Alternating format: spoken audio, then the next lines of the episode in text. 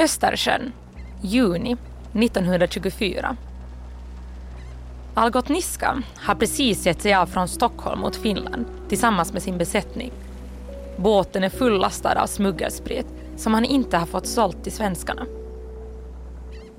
Plötsligt överraskas det av oerhört hård sjögång. Seglen slits sönder och masten går av. Båten driver hjälplöst på havet. Till all lycka får det hjälpmotorn att fungera efter en tids strulande. Snart glider båten in förbi Mjölö utanför Helsingfors. Algot är väl medveten om att tullen när som helst kan dyka upp. Han beordrar besättningen att bära upp spritkanistrarna på däck och täcka in dem med de söndriga seglen. En av skeppspojkarna sätter sig på seglen och låtsas sy. Samtidigt hissas den tyska flaggan. Ifall tullen uppenbarar sig ska alla tala tyska, vare sig de kan språket eller inte, menar Algot. Snart nog närmar sig tullfartyget och tjänstemännen hoppar ombord en efter en. De närmar sig den syende skeppspojken. Pojken börjar tala någonting som liknar tyska. De förstår inte vad han säger. Verkar vara någon underlig sydtysk dialekt kanske. Efter en runda på båten, utan att få någon som helst rim och fason på det hela, bestämmer de sig för att återvända till tullfartyget. Plötsligt dyker Algot upp på däck från ingenstans och eskorterar den vänligt tillbaka. Då de åker iväg önskar han den god fortsättning på flytande tyska. Så småningom anländer spritlasten tryggt till Helsingfors. Finländarnas midsommarfirande är räddat.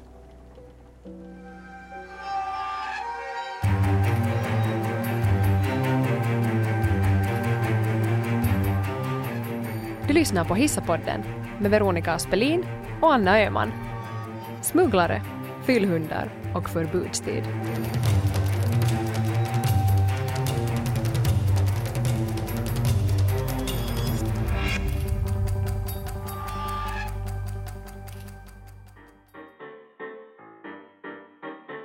1920-talet i Finland karaktäriseras av uppbyggandet av den unga republiken.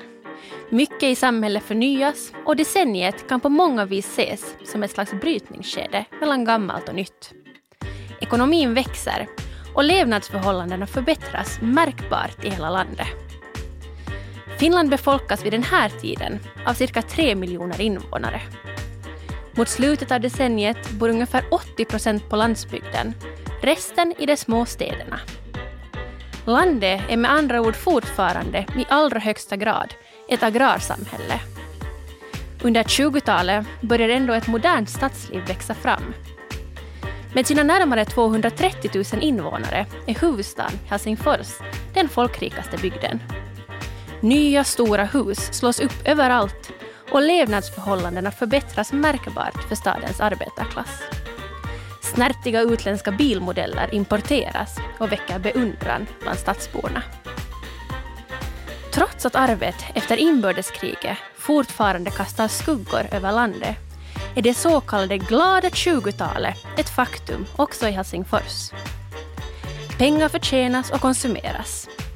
En ny internationell ungdomskultur slår igenom tack vare film, radio och grammofonskivor. För kvinnor innebär decennier mera frihet och möjlighet till att uttrycka sig själva, till exempel genom klädsel.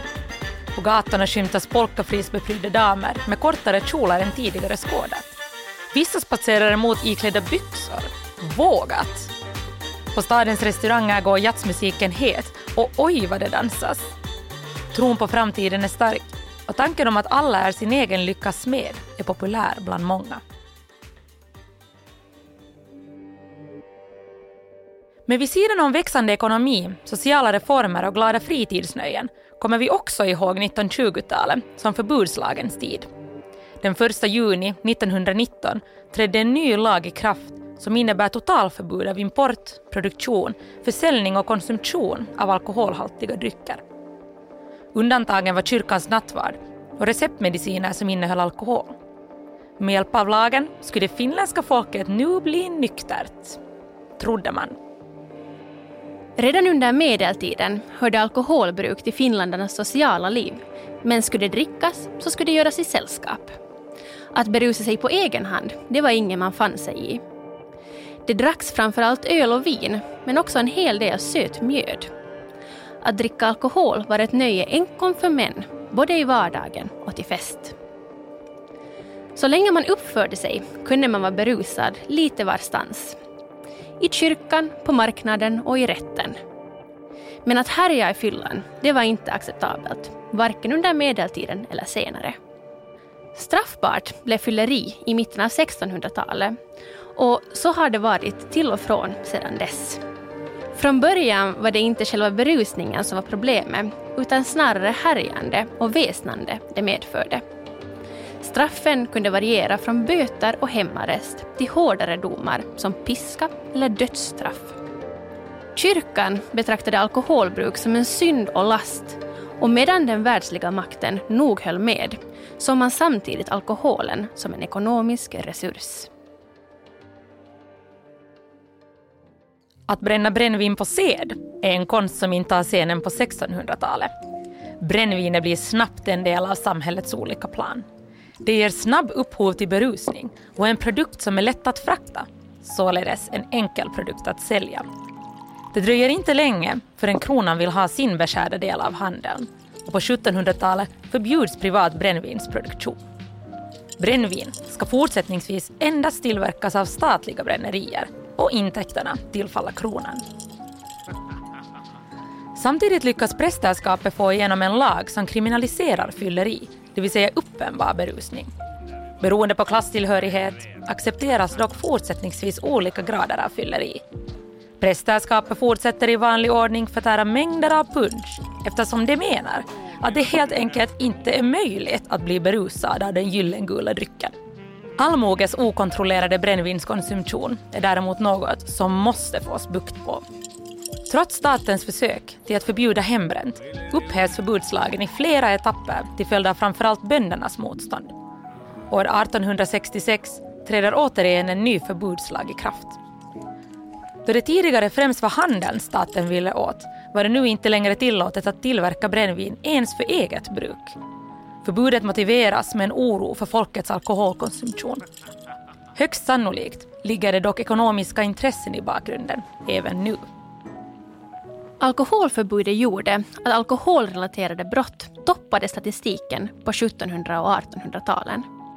Statistiken ger ändå lätt en felaktig bild av att den stora majoriteten finländare inte gjorde annat än fattade flaskan och härjade runt på byn.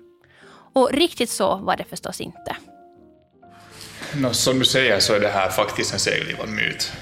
Alltså verkligen, man kan ju titta på totalkonsumtionen och den räknas ju ofta som då mängden liter starksprit per invånare per, per år. Och där låg ju finländarna faktiskt på blygsamma, ja alltså under en liter årligen. Vi snackar en väldigt låg totalkonsumtion europeiskt sett. Och det här var intressant just för att eh, det här var en av, en av de sakerna som ryska myndigheterna tog fasta på. Att, att varför ska... Det här är filosofiemagister Jimmy Holmberg som har skrivit sin avhandling om verksamheten i Pujo nykterhetsföreningar 1887 till 1919. Det, det är folk som liksom dricker minst i Europa, varför ska de pusha för en förbudslag? De, de förstår inte alls det argumentet. Att, att det är faktiskt en en seglivad myt och det, det sätter kanske utlänningar sig på oss och så som vi ser på oss själva också, att vi har alltid supit så hemskt mycket. Men, men det håller inte för, för kritisk granskning faktiskt, det där påståendet.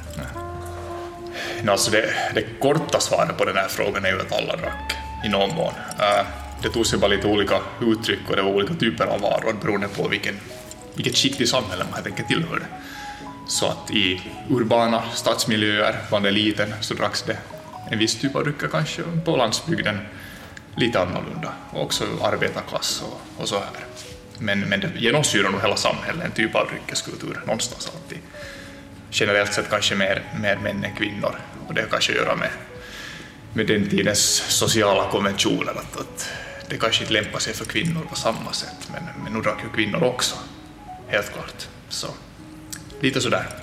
Så det, det fanns ju alkoholproblem äh, på olika platser. Och det är det kanske också jag har granskat lite just att till exempel bruksmiljöer där en stor andel arbetare var koncentrerade till, till en plats. Klart där kunde utvecklas en typ av det vi kan kalla för alkoholism. Men, men som sagt, de här totala siffrorna säger nog att, att det inte var fråga om en helt söndersupen nation som nu en, den här myten då hävdar. En temporär förbudslag infördes i Finland redan 1914 eftersom folk söp mindre, främst till följd av det skrala utbudet och höga priserna på grund av första världskriget minskade också den alkoholrelaterade kriminaliteten. Många var för en förlängning av förbudslagen. Nykterhetstanken hade dessutom fått ett ordentligt fotfäste bland folket redan på 1800-talet. Om man riktigt går till grunderna först, så det har ju alltid funnits människor som har varit emot rusmedel. Så länge rusmedel har funnits har det alltid funnits de som har velat bekämpa det av olika anledningar. Men det blev egentligen inte, inte folkrörelse förrän senare hälften av 1800-talet i Finland. Och det har egentligen att göra med att det inte fanns grogrund för, för den typen av verksamhet. Helt enkelt för att myndigheterna i nästan hela Europa såg med ganska stor misstänksamhet på sammansvärjningar och människor som, som planera någonting tillsammans. Det var liksom lite farligt. Så det är egentligen först när, när det här då luckras upp på 1860-talet i Finland, då startade en ganska stor förvandling i samhället. Det är först då som det kanske då utvecklas till en massrörelse. Och eh, tittar vi på typer, grader av nykterhet så, så fanns det alltså tidigare kanske mer argument för måttlighet i Finland. Att, att ta det nu lite lugnt och man behöver ju kanske inte vet du, överdriva och, och så här. Det var så lokala initiativ på 1840-1850-talet. Elias Lönnroth var en av dem som propagerade för det här. Och, och också till exempel på andligt håll Lars Levi Lestadius är ju så här känd profil som var starkt emot just, just eh, brännvin och så här. Men, men egentligen så det här, det här absolutismen, den här riktigt stränga nykterhetsrörelsen som ville ha förbudslag, det är egentligen en utländsk, det är en importvara alltså som kommer till Finland. Det är en främmande, exotisk idé. Och den, den kommer till Finland just, just när kommunikationerna blev bättre och folk rörde på sig mera på 1860-talet framåt. Och nykterhetsrörelsen kom, liksom, den varianten av nykterhetsrörelsen kanske vi hittar i den anglosaxiska världen. Att där fanns ju den här misären i, i slummen i Storbritannien som är så känd. Och där fanns ju så att säga då ett slags behov av någon typ av social filantropi. Och där var ju till exempel William Booth med Frälsningsarmén en av de här första pionjärerna som, som ville göra någonting åt det här samhällsproblemet helt enkelt. Men till Finland kommer det just via människor som vistades i sådana länder. Sjömän kanske och andra som har rest och, och de tog hit de här värderingarna då att man ska ha totalförbud mot sprit så blir samhället bra och lyckligt. Nå, för det första om man tittar på storleken så nationellt sett är det här faktiskt vår första stora folkrörelse. Så visst hade den genomslag på, på sina håll. Och vi ska komma ihåg att den också inspirerades och tog stöd av andra stora rörelser som också ville ha nykterhet. Eh, dit hörde till exempel olika väckelserörelser, men också eh, kvinnorörelsen var väldigt angelägen om att, att få bukt på våldsamma män. Eh, det var faktiskt en av de största argumenten var just det här familjefriden och, och att den berusade, trötta arbetande mannen kommer hem och våldför sig på, på fru och barn liksom, och, och hela den här problematiken som ju inte är så obekant från idag egentligen heller. Men så hade man också stöd av den här tidiga arbetarrörelsen. Eh, de, de uppskattade också nykterhet för sina syften. Socialismen till exempel bygger ju på, på också att arbetare ska kunna enas i ett slags uppror och då passar det inte om man är stubbfull. Liksom. De hade en sån här tanke kring det. Att också fenomanerna äh, eh, agiterar för nykterhet till exempel. Alltså det, var, det var en brokig allians av, av människor. De, de enda som nu inte riktigt hoppade med på det här tåget var de här svenskspråkiga liberalerna. Eh, så, så det här det hade brett stöd i början och, och var en hyfsat stor folkrörelse. Det har uppskattats att finländarna i genomsnitt konsumerade 0,7 till 0,8 liter ren sprit i året. Efter att de nya bestämmelserna trädde i kraft ökade konsumtionen explosionsartat. Under förbudstiden omvandlades Helsingfors till alkoholsmugglingens mecka. Snart var det enklare att få tag på spriten än innan förbudstiden och dessutom till ett lägre pris. Helsingfors våren 1919. Den 30-åriga styrmannen Algot Niska slår sig ner vid ett bord på restaurang Kapelle vid Esplanaden. Snart anländer hans middagssällskap, den ryska affärsmannen Pletjikov. Pletjikov sitter på ett stort lager alkohol, omöjligt att hinna få sålt innan förbudslagen träder i kraft i juni. Algot lyckas förhandla lagret till sig till ett bra pris han är säker på att det kommer att ha god åtgång också under förbudstiden. Det går som Algot misstänkt. Förbudslagen verkar inte ha någon som helst inverkan på kundernas törst för alkohol Tvärtom verkar det som och hans lager går åt som smör i solsken. Av det som knackar på lagerdörren hör många till de mer inflytelserika personerna i stan. Bland Algots kunder finns bland annat stadsdirektören i egen hög person. Men Algots lager är inte oändligt. Efter en tid krävs det påfyllning som inte längre är möjlig att skaffa på laglig väg. Algot köper en båt för spritpengarna varefter han ger sig iväg mot Europa. Det här är början på Algots era som Finlands främsta spritsmugglare, levande legend, hjälte och tullens största fiende. Många såg Algot som en hjälte som trotsade en lag som inte vann understöd hos den stora majoriteten finländare. Under sin karriär lyckades han lura och förvirra tullen ett antal gånger. Han kom undan för det mesta, men inte alltid. Sammanlagt tillbringade han två år av sitt liv bakom lås och bom, både i Finland och i Sverige. Algot föddes den 5 december 1888 i Viborg som den yngsta i en syskonskara på fem barn. Pappa Ivar var sjökapten, mamma Hilda en duktig musikant. I kulturstaden Viborg kände de flesta till familjen Niska. Algot tillbringade en stor del av sin barndom lekandes vid stranden och i havet. Då han var gammal nog tog pappa Ivar med honom och hans bröder ut på sjön och lärde dem att segla. Medan syskonen utmärkte sig inom musik och skådespeleri var Algot fotbollsplanens största stjärna. Då Algot bara var 15 år gick pappan, som hade stått honom mycket nära, tragiskt nog bort i en hjärtattack. Familjen Niska tog sitt pick och pack och flyttade till Helsingfors. Det tog inte länge förrän Algot anammade överklassens maner och sätt i Helsingfors. Trots drömmar om en karriär som handels eller bergsråd lockade livet på havet mer. I den unga mannen bodde en sann äventyrare. Algot la skolgången på paus och anmälde sig som frivillig hjälpreda på ett antal segelfartyg. 1909, då Algot var 20 år, bar resan ända ner till Chile. Då han inte tillbringade sin tid på segelfartyg så spelade han fotboll. Fotbollen var en passion som år 1912 tog honom och det finländska fotbollslandslaget ända till en fjärde plats i de olympiska spelen i Stockholm. Medan Algots syskon tog Finlands och Sveriges opera och teaterscener med storm blickade Algot återigen mot havet. I två års tid seglade han världen runt för att samla på sig tillräckligt med erfarenhet för att kunna börja studera vid Helsingfors navigationsskola. Sagt och gjort, och som 27-åring spatserade han ut ur skolan med beviset på styrmansexamen under armen. Ja, det, som sagt så granskar jag alltså då nykterhetsrörelsen på ganska lokal gräsrotsnivå, i det här fallet just de här bruksmiljöerna i, i västra Nyland, som faktiskt var ganska stora arbetsgivare och, och mycket, många arbetande män koncentrerade till, till samma plats. Och det var kanske just arbetarklassen man ville nå med nykterhetsrörelsen. Det var en stor målgrupp åtminstone. Och där som liksom många andra orter så skedde det egentligen på, på initiativ av enskilda individer, ofta folkskollärarinnor, som, som hade kommit i kontakt med nykterhetsidealet och ville ville på något sätt eh, dra sitt strå till stacken för att göra Finland nyktert. Så då började det ofta med att en pionjär etablerade en lokal förening, fick med sig några anhängare och, och därifrån måste de då börja arbeta med ortsborna. Och det är ju det intressanta just att hur, hur ska man locka med medlemmar i en förening som dessutom hade en, en årsavgift på ungefär en mark, som för många faktiskt var en betydande summa. Då, så här. Så det här övergripande målet för hela nykterhetsföreningen var ju då en, en förbudslag i Finland. Men eh, det, sånt sker ju på, på högre nationell nivå i beslutsfattande, så lokalt ville man helt enkelt då sprida det här.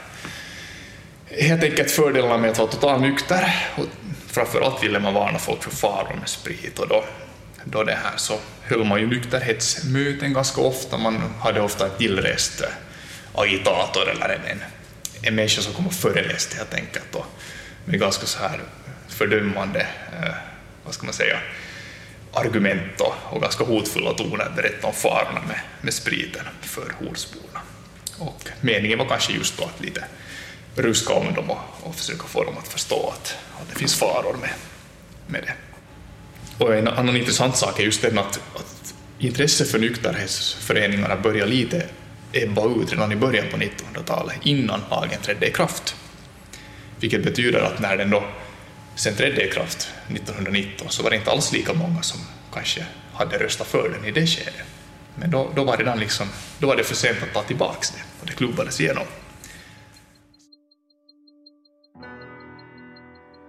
Ett par år efter att Algot har tagit examen bryter inbördeskriget ut i Finland. Han har varit verksam inom Helsingfors skyddskår redan innan krigsutbrottet. Och då konflikterna blossar upp stannar han och hans nyblivna hustru Magda kvar i stan. I april anländer tyskarna till Helsingfors och Algot deltar tappert i striden om huvudstaden. Ja, han rent av utmärker sig bland leden. I juni samma år är familjelyckan ett faktum då Algots och Magdas dotter, Magda Ester Cecilia, senare kallad Kickan, ser dagens ljus. Algot kommer senare att skiljas och gifta om sig med den hälften så unga åländska damen Celia. Tillsammans får de sonen Jack Algot. Men familjelivet blir allt annat än rofyllt, varken med den första eller andra hustrun. Magda uppskattar inte makens försörjningssätt. Dessutom tillbringar han allt för mycket tid borta hemifrån. De fina presenterna han kompenserar med räcker inte till för att gottgöra förlusterna.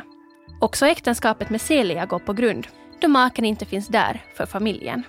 Algots äventyrslust går helt enkelt inte att stilla och hans seglatserfarenhet, språkkunskaper och snabbtänkthet gör honom till den optimala smugglaren. Algot är alltid välklädd i måttbeställda dräkter, vältalig och belevad till sättet. Han tycker om att spendera sina pengar på fester och fartfyllda kvällar i goda vänners lag. Bara det bästa är bra nog och ju längre förbudstiden går, desto större blir vänskapskretsen. Att Algot är kriminell rycker man sällan på ögonbrynen åt. Brott mot just förbudslagen är inget att förfära sig över, menar de flesta. Algot må ha varit den kändaste, men han var definitivt inte den enda smugglaren i businessen. Tvärtom, förbudstiden ledde till ett smugglingsengagemang utan dess like. Tusentals finländare smugglade sprit. I mitten av 1920-talet kom smugglingen igång på allvar också på Bottniska viken. Enklast och mest lukrativt var det att smuggla och sälja så stark sprit som möjligt. Den vanligaste spriten var spiritus fortis, läkarsprit, det vill säga ren sprit med en alkoholhalt på upp till 96,2 procent. I folkmun gick drycken bland annat under namnen Spitta, Ysikutonen, Kapteenin Kerma och Varsovan laulu, det vill säga Warszawas sång ifall spriten kom från Polen. Andra drycker än läkarsprit utgjorde bara 1 procent av det tullen lyckades beslagta. Det tullen lyckades beslagta var dessutom bara en bråkdel av all sprit som kom in i Helsingfors och i landet. Under förbudstidens fem sista år smugglades uppskattningsvis fem miljoner liter läkarsprit årligen in i landet. I städerna och på landsbygden tillverkades vin, punsch och likör på bär, läkarsprit och arrak. Hembränt brännvin förekom däremot främst på landsbygden till följd av den förmånliga smuggelspriten som flödade in i städerna. Att smuggla in sprit för eget bruk eller småskalig försäljning hade länge varit vanligt. Men under förbudstiden uppstod också större organiserade smugglingsnätverk. Ligor skötte både import och partihandel. Algot, han var förstås en av de ledande smugglingskungarna i stan. I början av förbudstiden hämtades spriten från Estland och Tyskland. Den anlände i kanistrar direkt till stränderna och kajerna i Helsingfors. Men i takt med att smugglingen professionaliserades övergavs det förfaringssättet och efter 1923 hämtades nästan ingen sprit direkt i huvudstaden. Istället blev det populärt att tyska och estniska så kallade moderskepp kastade ankare nära den finska sjögränsen. Snabba småbåtar susade fram över vattnet för att avhämta ibland flera tusen liter läkarsprit från skeppen. Drycken fraktades i kanistrar som snabbt kastades över bord ifall tullen uppenbarade sig. Tullväsendet gjorde vad det kunde, men led av resursbrist och långsamma fartyg. Man förlorade nästan alltid mot smugglarens snabbare, mindre och mera lättnavigerade båtar. Frustrationen var stor. Det var också vanligt att spriten gömdes på öar i skärgården. Där kunde den grävas ner eller hissas upp i trädens gömmor varefter kunden avhämtade den. Partihandlarna placerade ut sina enorma lager på öarna utanför Helsingfors varifrån spriten transporterades vidare. De största lagren fanns på Drumsö och Ärtholmen. Därtill vällde sprit in bland annat genom Porkkala, Hangö, Sibbo och Borgå. Helsingfors kvarter och stadsdelar delades upp mellan sprithandlarna så att varje gruppering eller liga hade sitt bestämda verksamhetsområde. I mitten av 1920-talet bröt ett spritkrig ut mellan tullen, polisen och ligorna. Spriten var mycket värd och ertappades man mitt i en operation gjorde man vad man kunde för att skaka av sig myndigheterna. Skottlossning förekom. Också Algot fick ta emot en och annan krutsalva från tullen under sina spriteskapader. Drumsö, som stod under Algots regi, förvandlades till ett eget vilda västern. I folkmun kallades ön för Lilla Estland Drumsö var isolerat genom havet men låg samtidigt endast ett stenkast från Helsingfors lukrativa marknad. På holmen bodde några få fiskare i sällskap av två miljoner liter läkarsprit. Den dagliga trafiken till och från ön var livlig. Spritvärdar och återförsäljare möttes upp för att göra affärer. På Drumsö rådde helt egna lagar och under 20-talet var ön Finlands blodigaste område. Det var nästan fyra gånger så stor risk att råka ut för brott mot liv på Drumsö i jämförelse med resten av landet. Tack vare den goda sikten från ön var det närmast omöjligt för myndigheterna att ta sig dit oupptäckta. Ålands hav, mars 1927. Algot befinner sig i allsköns ro på sin fiskabåt, denna gång utan en spritlast ombord, då han ser tullens fartyg närma sig. Men något är fel. Tullfartyget ser ut att ha en felaktig rutt och innan han hinner reagera åker han rakt in i sidan på fartyget som direkt börjar ta in vatten. Tullmännen hoppar över på Algots båt. Algot försöker lugna en av männen och i tumultet avfyras tullmannens pistol flera gånger i luften. Enligt tullen var det dock inte alls så här som det gick till.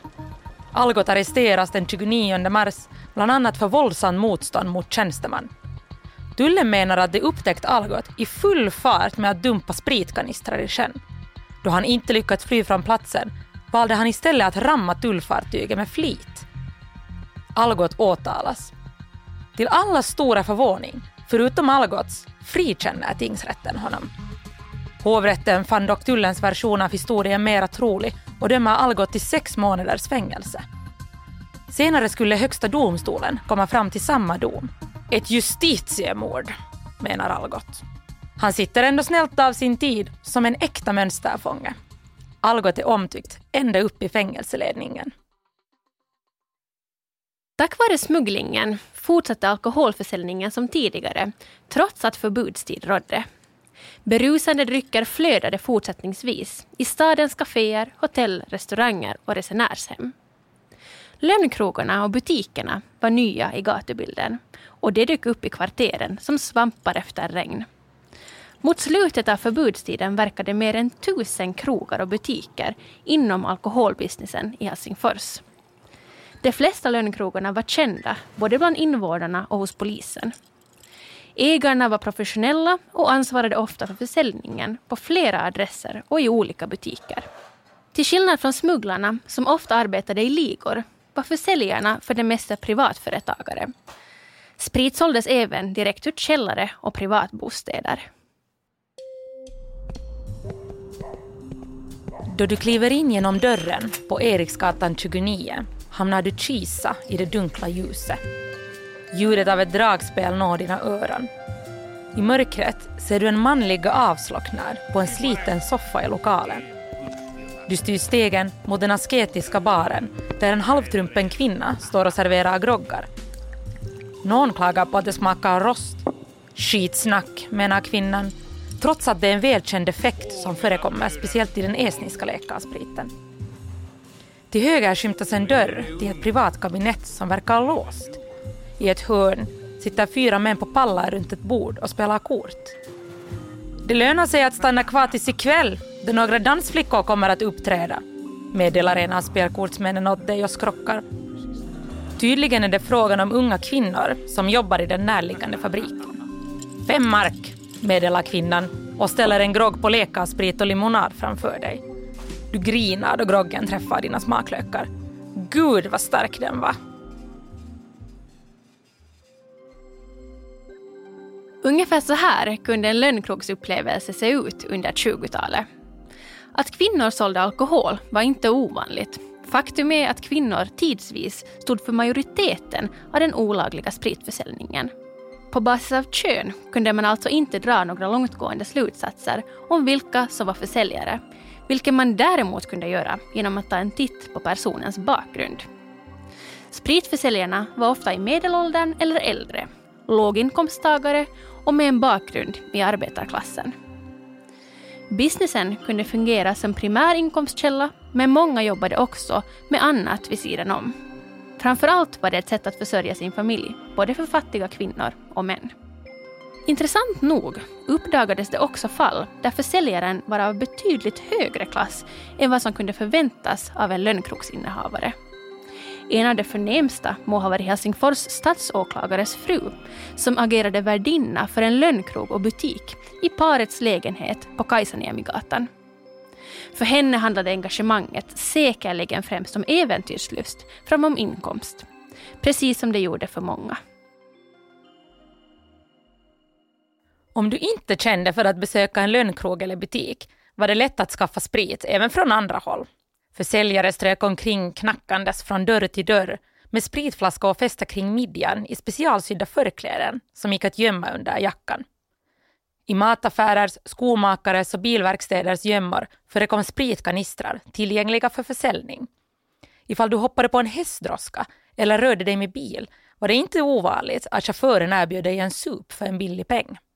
Hemleverans ordnades också för dem som inte ville synas spritshoppandes i offentligheten. Speciellt finare drycker som konjak och whisky beställdes vanligen via postorder. De mest rojsiga försäljningspunkterna var de så kallade sprihusen, Pirtutalot. Sprihusen påträffades framförallt i Helsingforsområdena Rödbergen och Berghäll, det vill säga i lågstatusområden som redan tidigare var ökända för hög brottslighet. Rödbergens vilda kvarter utgjorde centrum för den undre världen i Helsingfors i Sprihusen på Sjömansgatan och Vinkelgatan samt i Vasagatans Pirtulinna och Pirunkirkko och i Tavastvägens Kankkunen flödade spriten från morgon till kväll. Det sades att det man inte fick tag på på Vasagatan i Berghäll fick man inte tag på någonstans i Finland. I Sprihusen kombinerades allt det som förbudslagsförespråkarna fördömde. Redlöst supande, våld, ordningsstörningar och osedlighet Också prostitution var vanligt. Myndigheterna försökte, ofta förgäves, få bukt på verksamheten i sprihusen. Lokalerna hade vanligtvis egna ordningsvakter och övervakningssystem som varnade för polisens ankomst. Bevismaterial förstördes på direkten. Men det var inte bara de lägre klasserna i samhället som söp. Alkoholkonsumtionen var sannerligen inget nöje reserverat för en viss samhällsklass. Överklassen hade dock inget till övers för lortiga sprihus och dunkla lönnkrogar. Det söps på hemmaplan eller i privata utrymmen som herrklubbar och hyrda kabinett på stadens finare restauranger. Förbudslagen förde med sig en ny kriminalitet då också de högre samhällsklasserna konstant bröt mot lagen genom att både inhandla och dricka alkohol.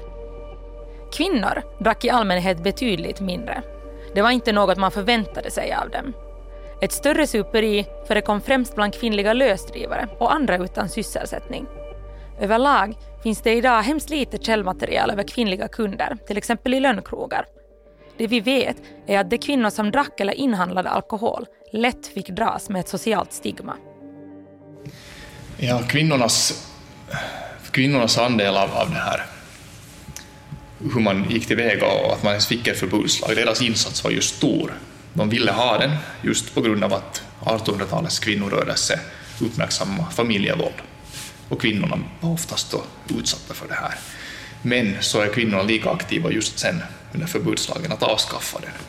Och det, det har nog att göra med att just följderna av förbudslagen blev tvärtom mer drickande, mer våld, mer kriminalitet och mer otrygghet för kvinnor också. Och då gick det ju faktiskt så långt att över 100 000 kvinnor gjorde en namninsamling till president Svinhuvud där man bad honom att, att ta bort den här förbudslagen. Så med samma argument både, både fick man en förbudslag och, och ville avskaffa en förbudslag. Och det var just det här våldet, otryggheten.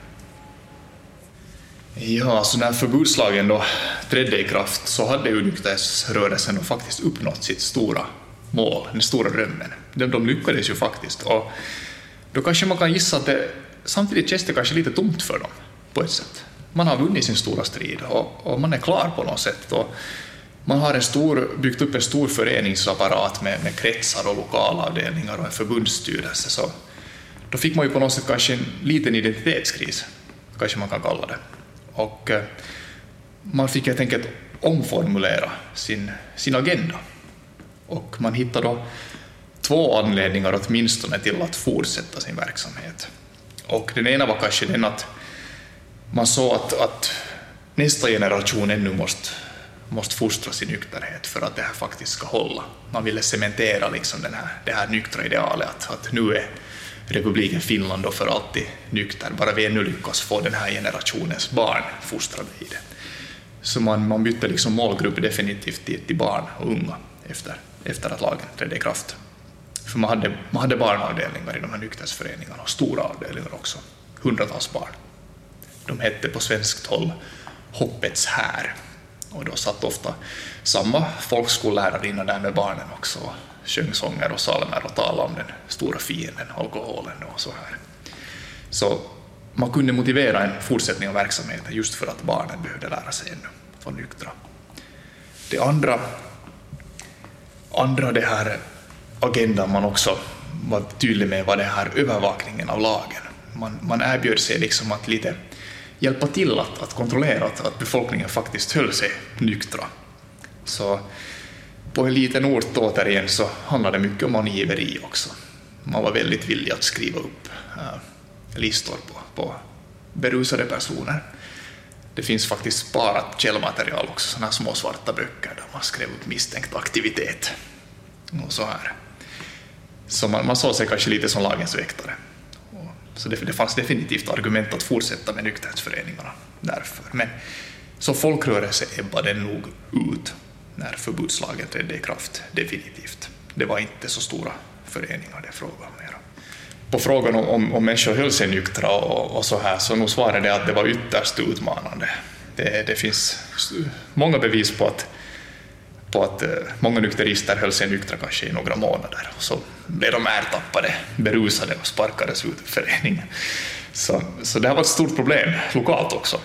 Man kan tänka sig ett litet, litet brukssamhälle där alla känner alla lite och, och har koll på varandra och så, så uppstår det sånt här dubbelmoraler där, där man går snällt på nykterhetsmöte och, och avhåller sig då högtidligt att avstå från alla rusdrycker och så ertappas man på kvällen sen på vinden med brännvinet mycket sådana här historier cirkulerar nog.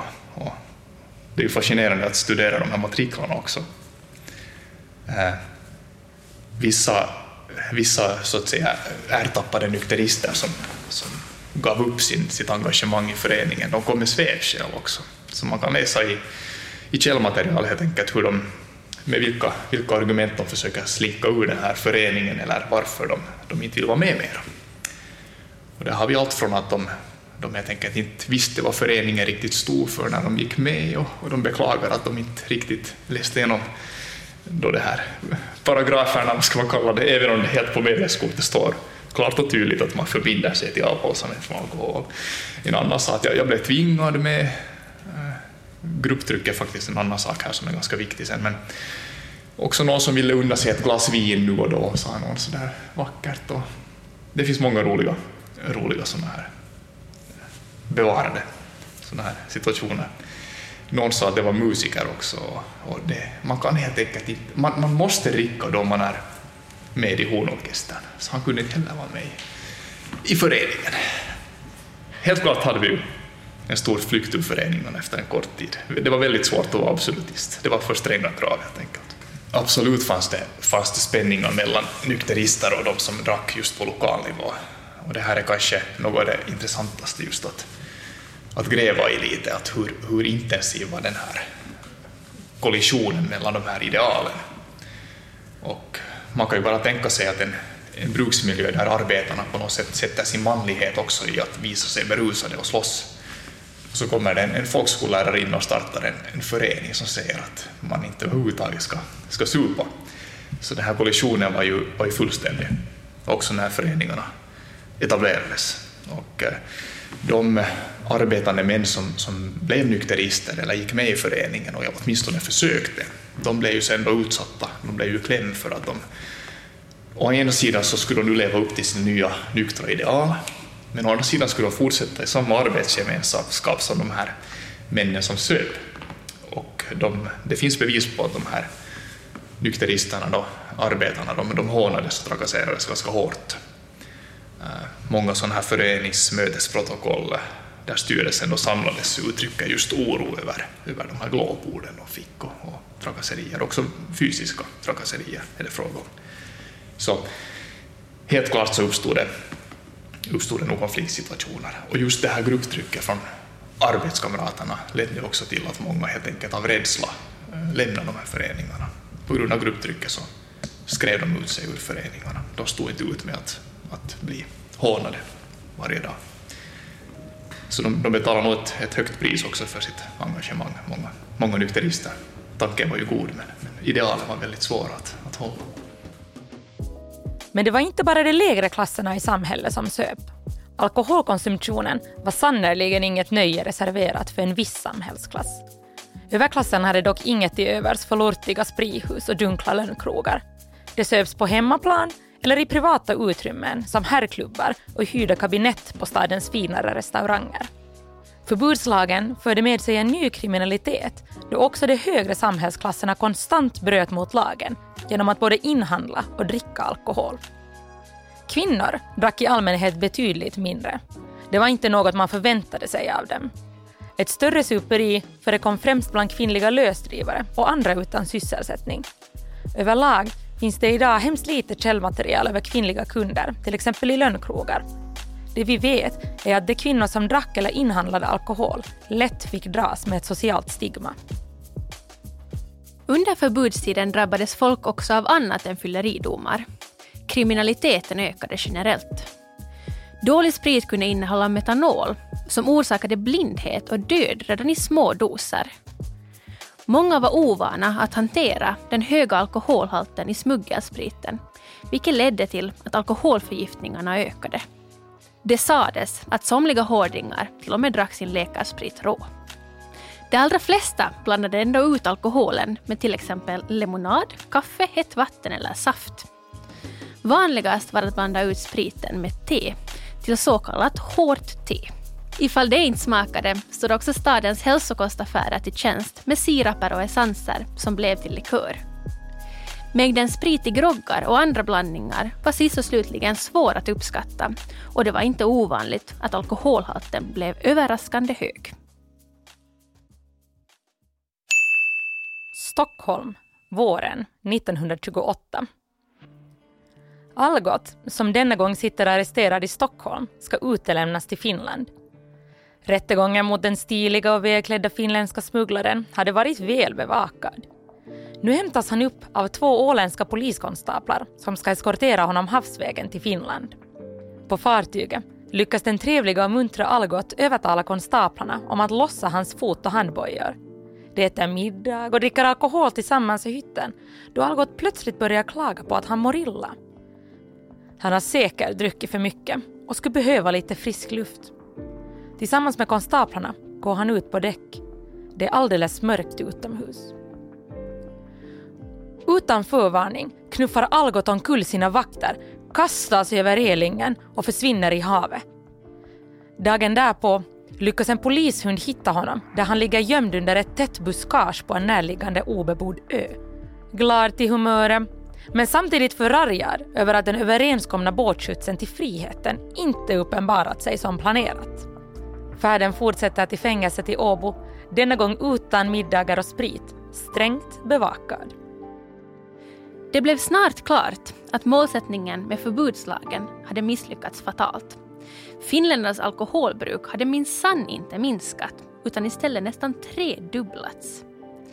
Den årliga konsumtionen per finländare snittade nu på 2,3 liter ren sprit. Den främsta orsaken till detta var att det dracks betydligt starkare drycker än tidigare. Riksdagen såg ingen annan utväg än att upphäva förbudslagen, vilket inträffade den 5 april 1932. Klockan 10 på morgonen dagen därpå slog Finlands första Alko upp sina dörrar.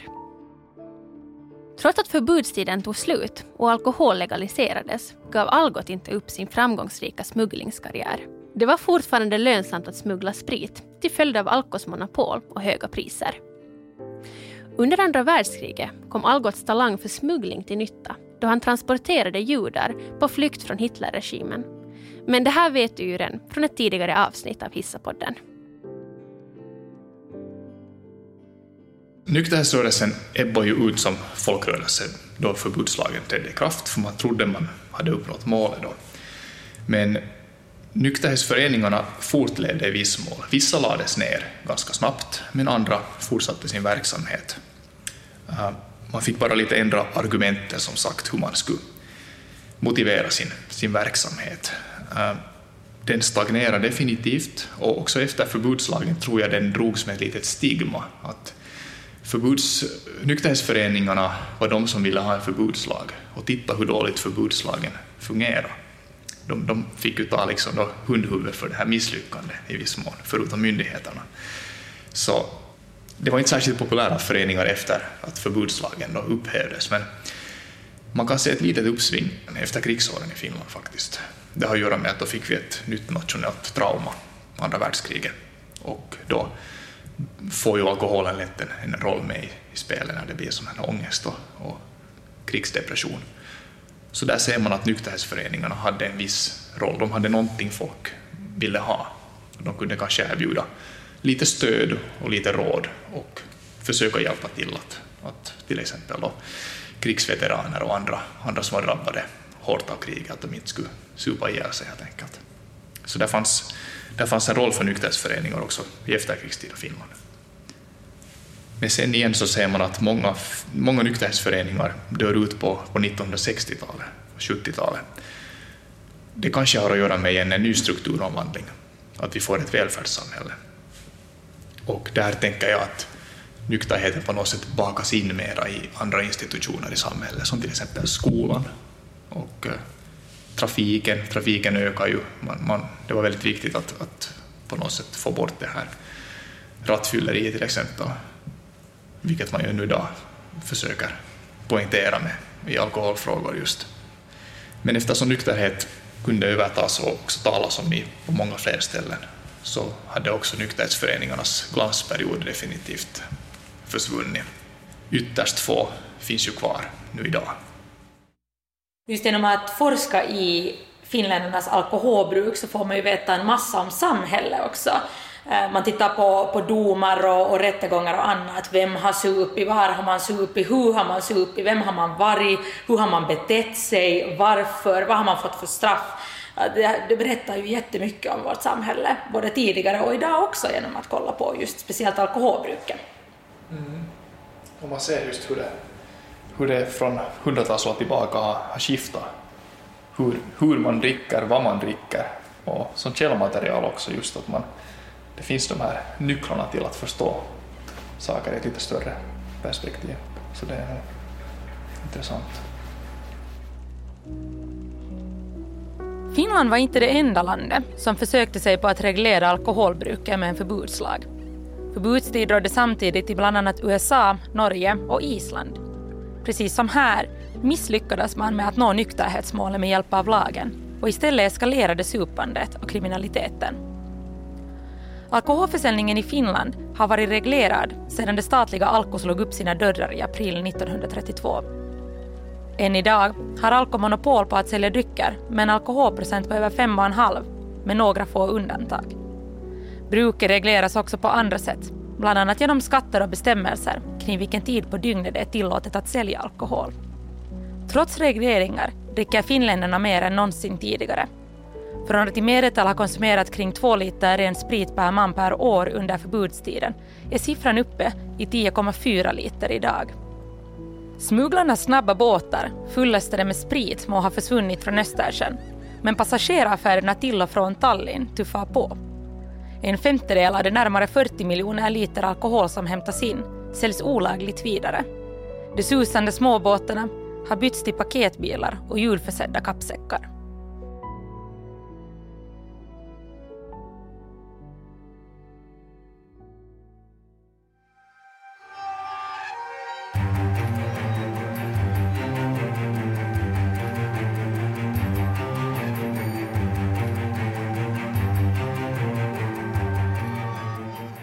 Du har lyssnat på Hissapodden med Veronica Aspelin och Anna Öhman. Inspelad av Tobias Jansson och producerad av Freja Lindeman.